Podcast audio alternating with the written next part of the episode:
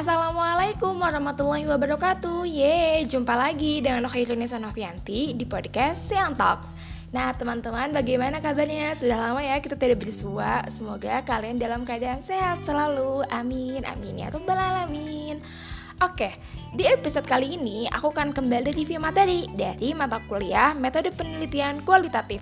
Pembahasan kali ini yakni populasi dan sampel dalam penelitian kualitatif. Yang pertama, pengertian apa sih populasi dan sampel itu dalam penelitian kualitatif.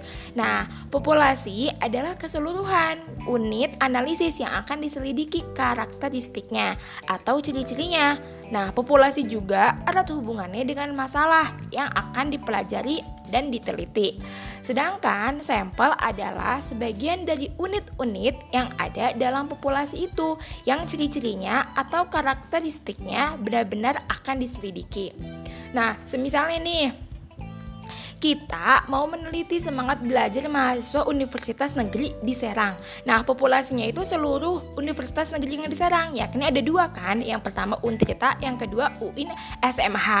Nah, uh, kemudian kita lebih pertajam atau diperkecil gitu kan ya dengan melihat dan mengambil sampel dari mahasiswa UIN semisalnya. Nah, itu untuk melihat uh, kita tuh mengambil sampel dan melihat bagaimana sih masih uh, semangat belajar mahasiswa UIN uh, SMH itu gitu kan. Nah, semisalnya uh, kita semisalnya uh, dari hasil penelitian itu semangat belajar mahasiswa Universitas uh, Negeri Islam SMH di Banten ini bagus, maka dapat disimpulkan bahwa uh, Univ Untrita pun Universitas Negeri Untrita pun dap, uh, kurang lebih mempunyai mahasiswa yang semangat belajarnya tak kalah bagus. Nah, seperti itu.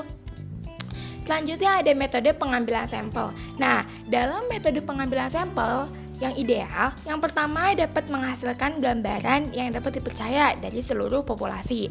Kemudian dapat menentukan nih presi, presisi dari hasil penelitian dengan menentukan standar dari taksiran yang akan diperoleh. Selanjutnya, disederhanakan sesederhana mungkin sehingga mudah dilaksanakan dan dipelajari. Selain itu juga diusahakan dapat memberikan keterangan sebanyak-banyaknya dengan biaya serendah-rendahnya. Dan yang terakhir, dalam menentukan metode sampel ini harus memperhatikan juga antara hu, uh, hubungan biayanya, tenaganya, dan waktu serta tingkat presisinya. Seperti itu.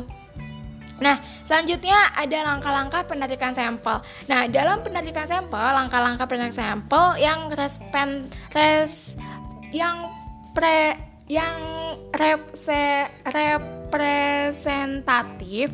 Nah, menurut kur, Kuncoro menyebutkan dalam pengambilan sampel diperlukan langkah-langkah sebagai berikut. Yang pertama, menentukan populasi target. Yang kedua, menentukan kerangka sampling. Yang ketiga, menentukan ukuran sa sampel.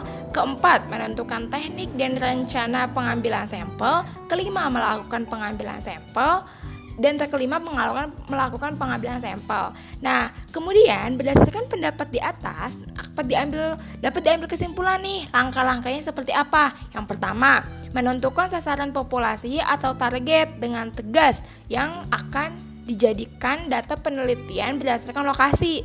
Kemudian menentukan area populasi atau lokasinya nih yang akan dijadikan penelitian. Selanjutnya, setelah itu menentukan ukuran populasi sebagai dasar penarikan sampel tersebut. Nah, ukuran populasi yang akan dijadikan penelitian ini biasanya berasal dari data-data sensus terkini atau yang paling terbaru, lalu membuat angka sampling dari hasil data yang diperoleh secara lengkap dan jelas dengan memberi nomor dari data yang terkecil hingga data yang terbesar.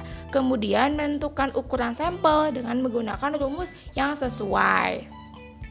Nah, berikutnya uh, menggunakan uh, berikutnya yang terakhir yaitu menggunakan alat seleksi seperti program komputer agar data yang diperoleh lebih akurat dan dan satuan sam dan satuan sampling ter terpilih dan satuan sampling yang terpilih sebagai anggota sampel dapat e, sebagai langkah terakhir dari penarikan sampel yang merupakan cerminan dari populasi tersebut. Nah, dan yang terakhir yakni karakteristik pengambilan sampel. Nah, Pertama, karakteristik pengambilan sampel ini tidak diarahkan pada jumlah nilai yang besar, tetapi pada kasus-kasus yang tipikalnya dari kekhususan masalah pada penelitian tersebut. Kemudian, tidak juga ditentukan secara kaku sejak awal, tetapi dapat berubah baik dalam e, jumlah maupun karakteristik sampel tersebut sesuai dengan pemahaman konseptual yang berkembang dalam penelitian tersebut. Dan yang terakhir, tidak diarahkan juga keterwakilan jumlah atau peristiwa acak, melainkan pada kecocokan konteks. Nah, oke, okay, sekian sudah uh, review sekian review materi pada dari mata kuliah metodologi penelitian kualitatif. Kurang lebihnya mohon maaf. Terima kasih sudah mendengarkan.